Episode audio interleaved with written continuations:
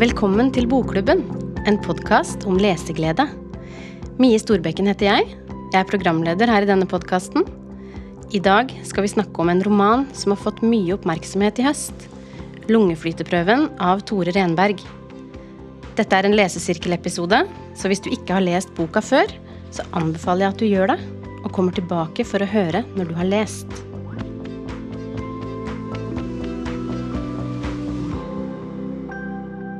Med meg i studio i dag har jeg min faste lesesirkelmakker, podkastprodusent Britt, og direktør i Bokklubben Ingeborg Hvordan. Velkommen til dere. Takk. Tusen takk. Det er skikkelig gøy å være her. Det er hyggelig at dere kunne komme. Du Ingeborg, det her er den aller første boka du har valgt ut for Bokklubbens medlemmer. Kan ikke du fortelle litt om det? Jo, altså, Jeg har jo vært direktør i Bokklubben i sånn ett og et halvt år nå. Eh, og den ene oppgaven jeg liksom ser på med aller størst ærbødighet, det er det å plukke ut eh, de bøkene vi skal anbefale til medlemmene. Det vi kaller hovedbok.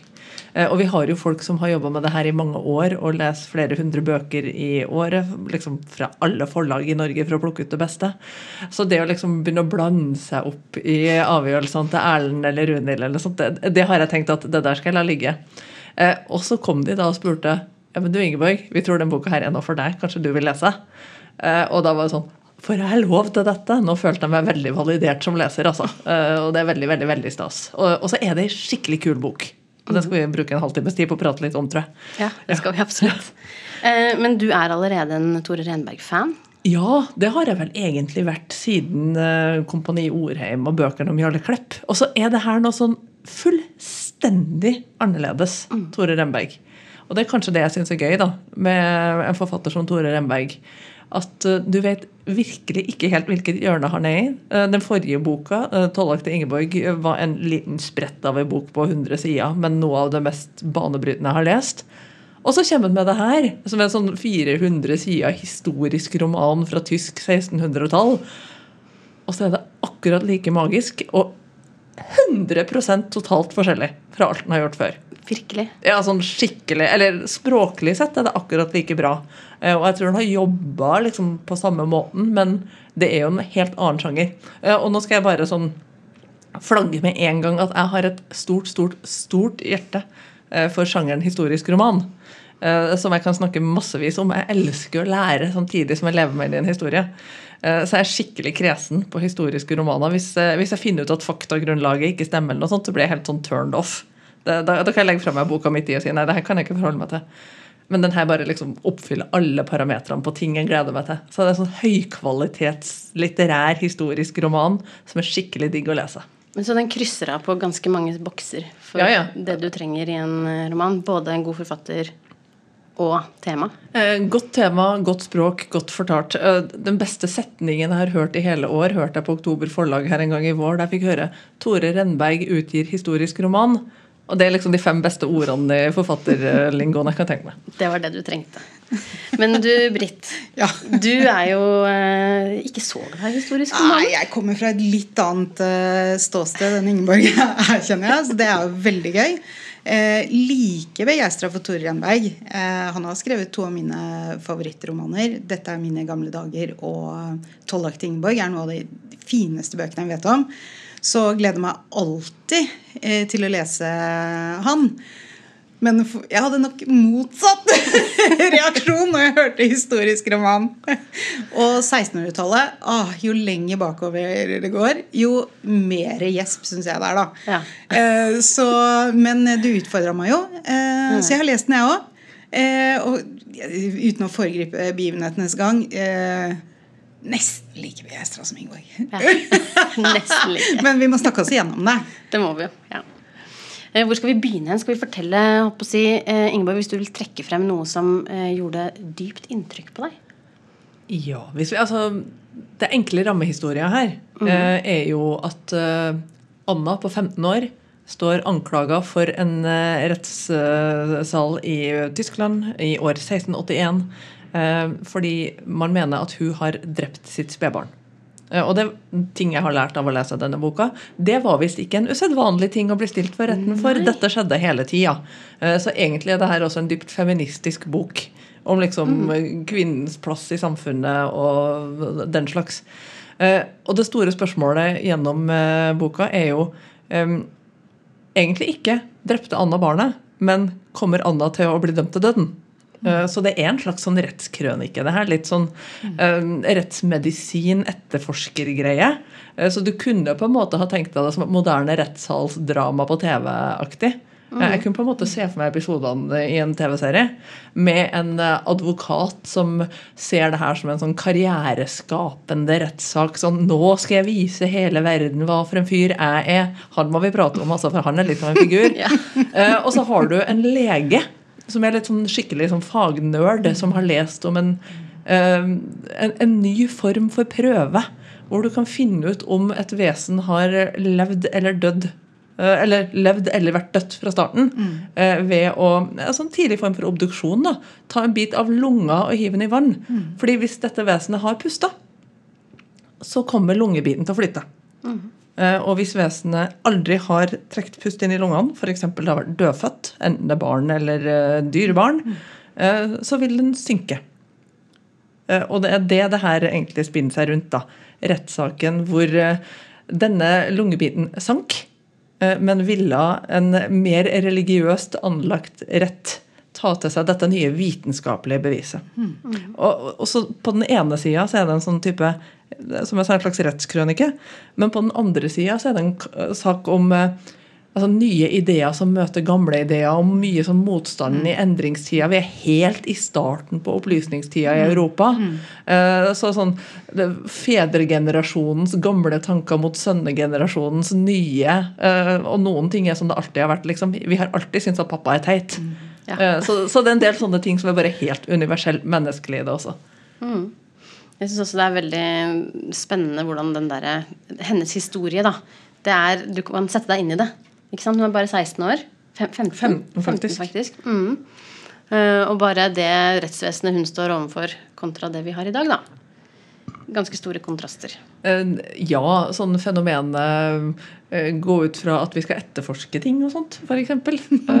Det, det ville jo vi synes var en god idé. Det er ikke gitt at de hadde helt funnet ut ennå. Nei, og bare den praksisen med bruk av tortur for å få en tilståelse. Ja. Eh, 100% legitimt, det. Ja. Ja. Det er, eh, hvorfor ikke, liksom? ja, eller eh, kirkens makt. Ja. Eh, og hvor mye troen styrte over eh, justisen og den sosiale justisen. Og nei, det er eh, Ja, det var mye sjokkerende lesing her. Altså, ikke det at man Man har jo ant det, men her er det jo eh, Det at han tar så tak i en enkeltskjebne eh, og følger henne og Altså Anna og faren spesielt, da. Eh, den kampen eh, de må gjennom. At du følger ett individ, det gjør det veldig sterkt. Veldig. Og også at han har brukt eh, faktiske historiske kilder. Ja, for jeg tenker jo at det her er jo en av, det, det glemte vi å si, men det baserer seg jo på en helt sann historie. Eh, og det, jeg snakka jo med Tore Remberg om det her for noen uker siden eller nå, da boka kom ut. og han har altså tilbrakt så mye tid i Tyskland med å gå i arkiver, lete i kirkebøker, gå rundt i Leipzig og se åssen ser det ut her. Var det i den kjelleren i rådhuset hun kan ha sittet i fengsel? Åssen var det her? Det merker man. Ja. man. Man merker at han virkelig har satt seg inn i det. Eh, ja, eh, kanskje igjen jeg foregriper begivenhetens gang litt, men, men måten han bl.a. Eh, skildrer hjemmet til skarpretteren eh, Hvor du, du får inntrykk av at det er på en måte et normalt hjem med liv og røre og en god kone og søte barn, og alt er liksom på stell. Eh, Og en omtenksom far, egentlig. Omtenksom, og han, og han var verdig, og han var eh, Og en skarpretter var eh, på den tiden torturisten, bøddelen, obdusenten, eh, lokale littslakteren. slakteren. Altså, Ja. Han har jo Eh, sånn litt jobb, og, og, og, og, forsyner av medisin og produkter til liksom apotekere og sånt. Ja. Fordi at eh, avfallet etter dyr og mennesker kan brukes igjen. Ikke sant? Masse. Jeg syns var interessant om skarpretteren. Altså, og så måten dette skildres på, så er det liksom Inn kom kjerrer med døde dyr, og det hang kroker på veggene, og det var liksom kniver overalt, og du bare eh, altså det, var så godt beskrevet. Og eh, de scenene eh, som finner sted hjemme hos Skarpretteren, syns jeg var helt fantastisk eh, beskrevet. Og da tenker jeg, da har han stått ute på Han har stått ute på veien der, og dette huset har han sett eh, og beskrevet for oss. Og det gjør det veldig ekte og, og bra. veldig veldig levende. Han, Det er på en måte en ny dimensjon. Han beskriver det menneskelige ved han som har den eh, rollen. Fordi de han var jo ikke Eller holdt på å si å være skarpretter var jo et u... Hva heter det? Æreløst Ja, yrke. Ja. Men han eh, er litt sånn høyt ansett likevel. Akkurat denne skarpretteren. Du kan bare ikke stige i hierarkiet. Du kan, du kan ikke komme ut av den klassen. Du kan ikke navigere deg oppover. Men du kan være liksom den beste i skarpretterklassen. Det, det, det er et eller annet med liksom det indiske kastesystemet her og sånt også, som Ja. eh, jeg får noen assosiasjoner til. Men bare det ordet 'skarpretter' det er jo Ja.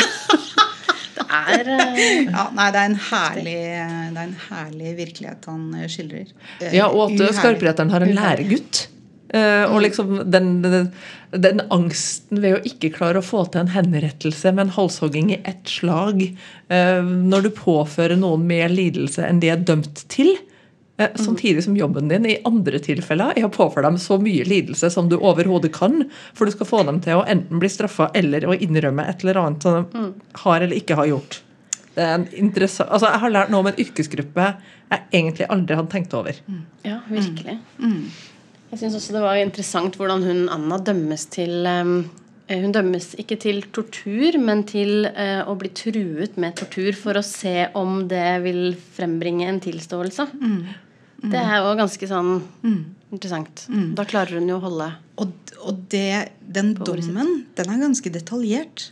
Eh, nøyaktig hva som er lov til å gjøre, og hva som ikke er lov til å gjøre med henne. Eh, det var også, det er helt sikkert god research igjen. Dette har eh, Renberg helt sikkert funnet i historiske arkiver. Eh, men, men liksom hvor det står helt sånn tydelig beskrevet at ja, hun kan eh, kles av.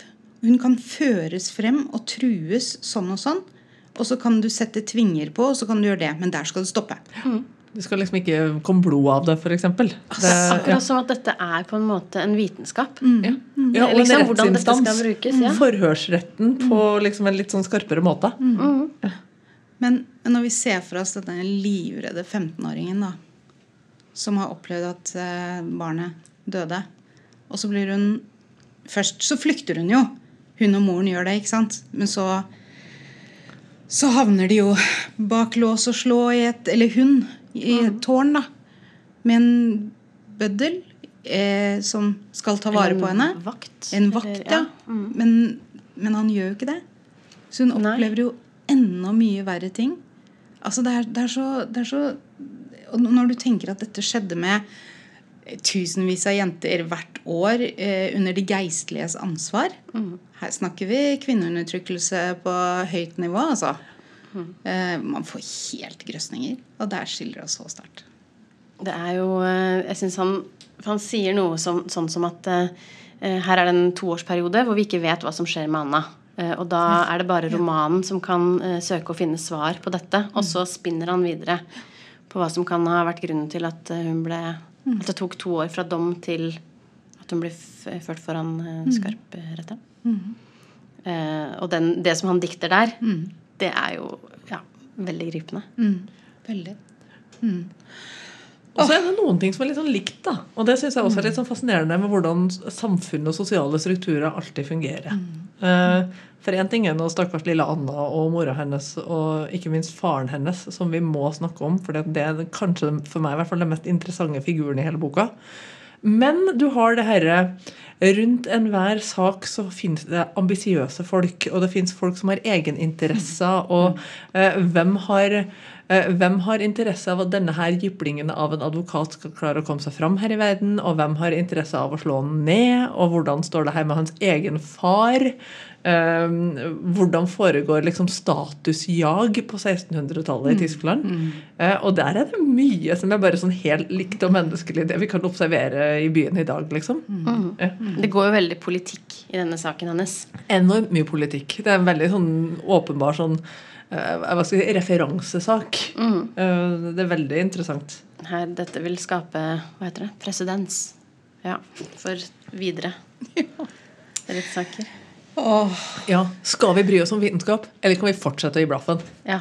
Det er egentlig det som er spørsmålet.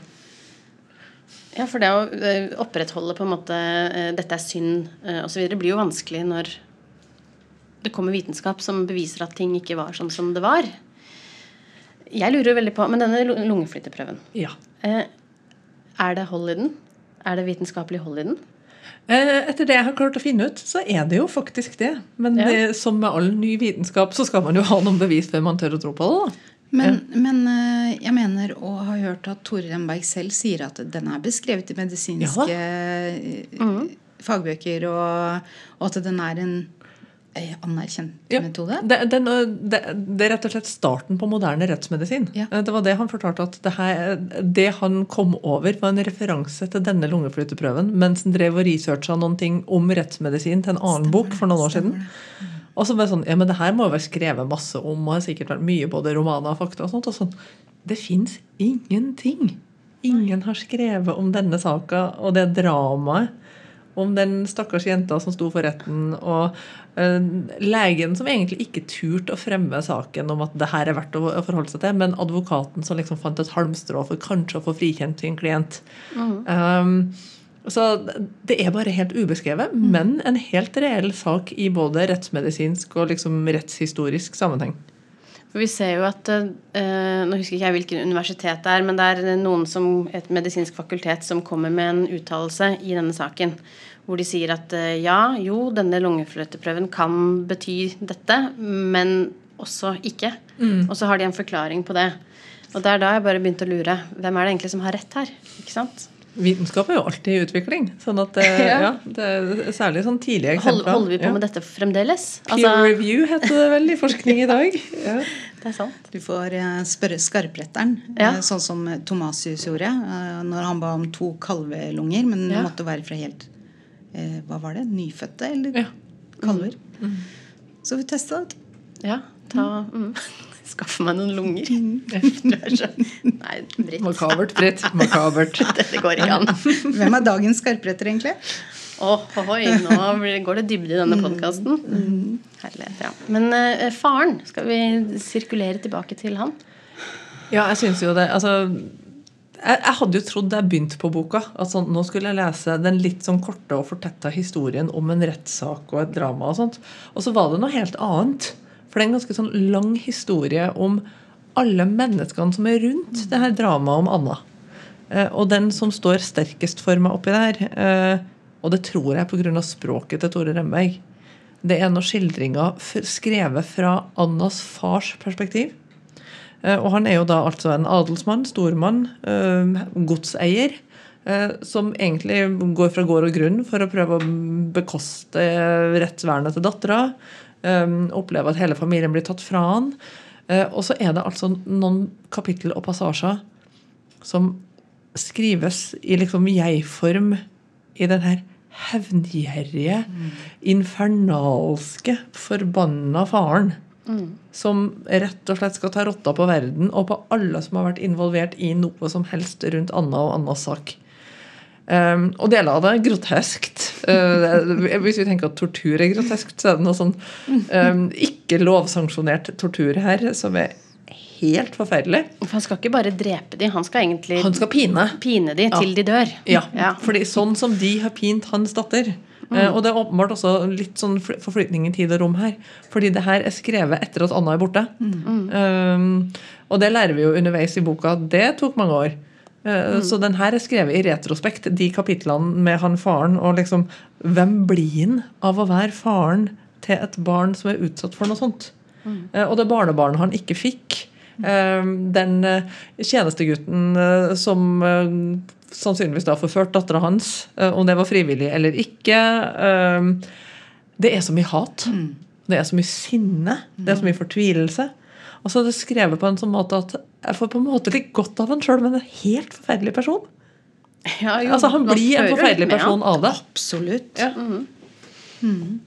Ja, nei, så det er for meg de passasjene liksom Nå er det noen måneder siden jeg leste boka første gangen. Og de passasjene skrevet fra ståstedet til Annas far, de river sjela mi ennå, altså. Ja, de er litt sånn Det er til å grøsse av. Fordi han går jo virkelig langt. Ja. I det han velger å gjøre. Eh, den eh, episoden med sekken, eh, det er en av mine favoritter. For de som ikke husker den, så må du begynne på det. Ja.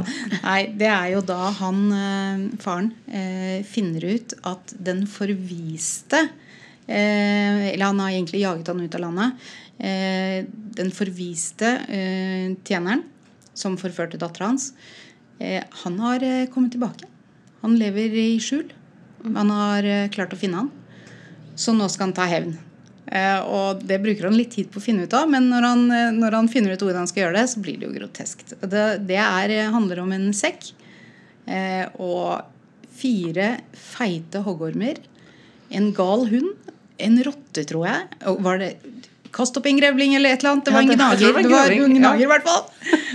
Og så tar man denne eh, ikke nå så unge mannen lenger, hiver han oppi sekken, syr igjen Og hiver den i elva. og hiver den i elva. Og så er det Det gikk en times tid. Ja, de slåss en times tid før det ble stille før det ble stille nede i det vannet.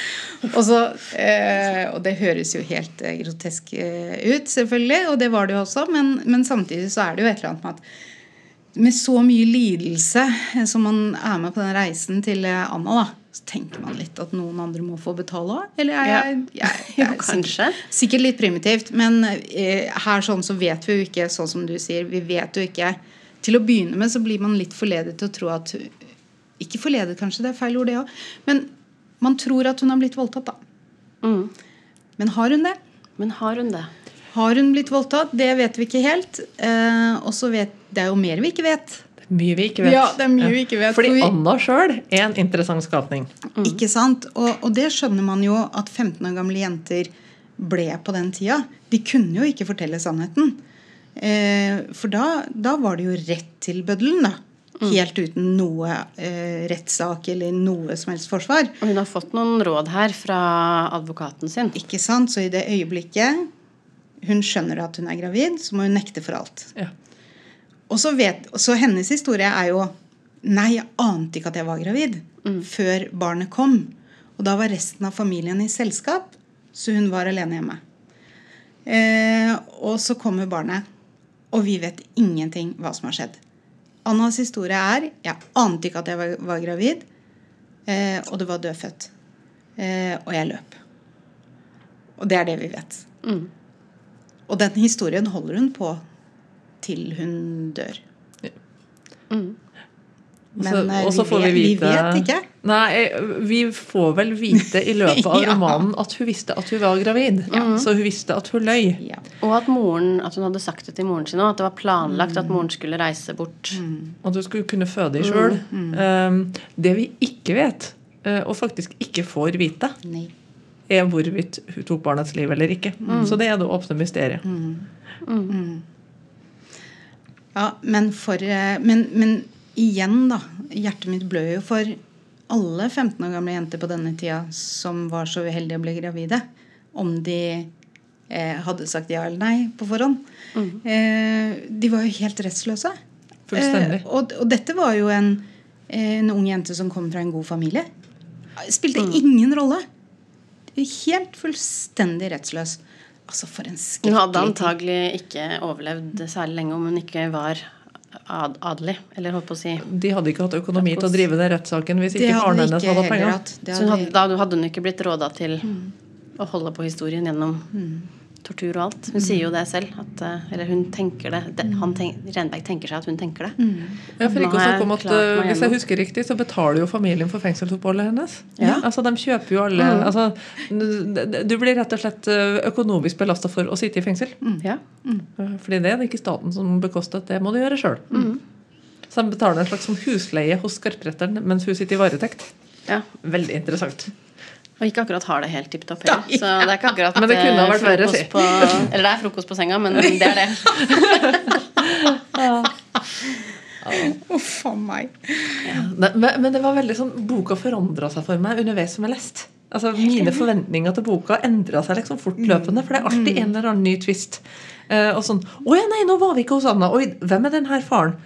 Å ja, men han der advokaten er jo en dott. Men han er skerp! Eh, og- men oi, ambisiøs, ja. Og hvordan fungerer det her guttekoret i Leipzig? Eh, og, altså, det, det, er så mange rare, ja, hvordan, det er så mange rare perspektiv. Jeg blir liksom dratt inn i en verden hvor jeg bare sånn Jeg aner ikke hvor jeg er på vei hen. Og så digger jeg hvert eneste lille skritt. Det er litt som å se en veldig forvirrende film. Du bare vet at du liker det. Ja. Ja, og, og språket spiller jo en stor rolle her, ikke sant? Denne reisen. For, for språk forandrer seg jo hele tiden. Ja, det er jo morsomt, fordi et par av kollegaene våre var jo veldig bekymra da de hadde lest sånn 20 sider. eller sånn, eh, ja, Skriv den sånn her hele veien? Fordi han starter jo uh, Remberg i språket til denne legen. Eh, Som jo er en godt voksen mann allerede i 1681, som sikkert da er utdanna tidlig på 1600-tallet. Eh, Et litt sånn snirklete Vi ville kanskje ha kalt det kansellispråk. Altså Veldig sånn eh, byråkratisk og i tillegg gammeldags. Og, og, og hvis du da tenker at ok, nå får jeg 400 sider av det her, da kan jeg godt skjønne at en del lurer litt. altså. Men så kjenner du gjennom det kapitlet, og så kommer det et annet språk. Og så kommer det noe helt nytt igjen. Og det er en sammenheng i det. og det er Altså, Jeg har jo som sagt da vært fan av Remberg lenge, men den der energien og kreativiteten forløst i språket um, Det var helt fantastisk da han skrev 'Tollaktige Ingeborg', som er noe sånn infernalskt. eh, Og sånt, og du finner igjen en del av den samme energien, men tatt ut gjennom flere fortellerstemmer. Jeg syns det er så fascinerende. Ja. Jeg kan tenke meg at det må ha vært utfordrende for forlagsredaktøren å sitte og holde styr på, og kanskje være med å rydde litt i. Og en annen ting jeg liker godt, er at plutselig midt inni at han på en måte er ferdig med å fortelle noe gjennom en annen person sin stemme, så kommer det fra Renberg. Liksom 'Dette vet vi'. Ding, ding, ding. Det er jo et sånt Ja, spennende Fortellerens stemme er der. Ja, det er et spennende grep. Og han har jo også med en sekvens der hvor han beskriver sin egen reise nedover. Hvor han får noen syner hvor han syns han ser eh, livet i gatene, og at han treffer på Anna, og de går sammen oppover gata. og Det jo er sånn spennende krydring av eh, fortellingen. da. Syr det liksom sammen. Ja. Nei, det er, det er bare utrolig godt gjort. Eh, og så er den, er den helt annerledes, som vi begynte å snakke om. Eh, helt annerledes enn alt annet han har skrevet. Eh, og da må man jo tenke Jeg har også lest masse av den Texas-gjengen. ikke sant? De bøkene er jo hysterisk morsomme. Det er jo ganske spesielt å tenke at dette er samme eh, forfatteren. Alt sammen. Eh, men jeg hørte han i en uh, podkast med, med en jeg kjenner, som sitter her. Ingeborg. Du har jo vært og snakka med han eh, du, du, Den uka boka kom ut. Ja, altså og alle, alle anmelderne drev og trilla terningkast seks. Og det var en ganske sånn utslitt og veldig lykkelig forfatter jeg møtte da. Ikke sant, og det skjønner man, og det er han så vel unt etter seks og et halvt år i dette universet. Ja, Det er liksom covid-prosjektet til Tore Renberg, og da tenker jeg at da har du hatt en verre pandemi enn mange av oss.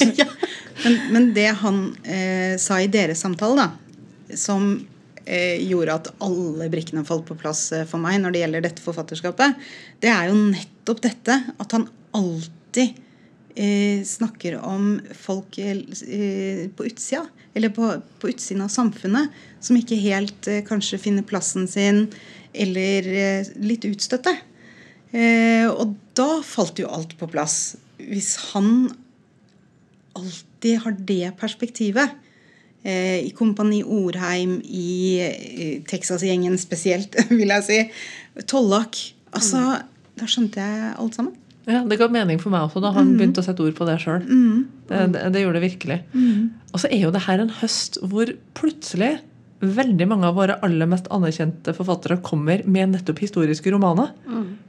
Det er noe veldig sånn typisk, Er det tilfeldig, eller? Eh, Tilsynelatende ja, for de kommer fra forskjellige forlag og sånne ting. Men det er et eller annet med tidsånden nå da, som har fått ganske mange uh, til å sette seg ned og se bakover. Og noen av dem har jo gjort det mange ganger før. Altså Simon Stranger kom akkurat med eh, Museum for mordere og redningsmenn som en slags frittstående oppfølger til Leksikon om lys og mørke. Om eh, hva skal jeg si, jødetransporten og flukten til Sverige under krigen.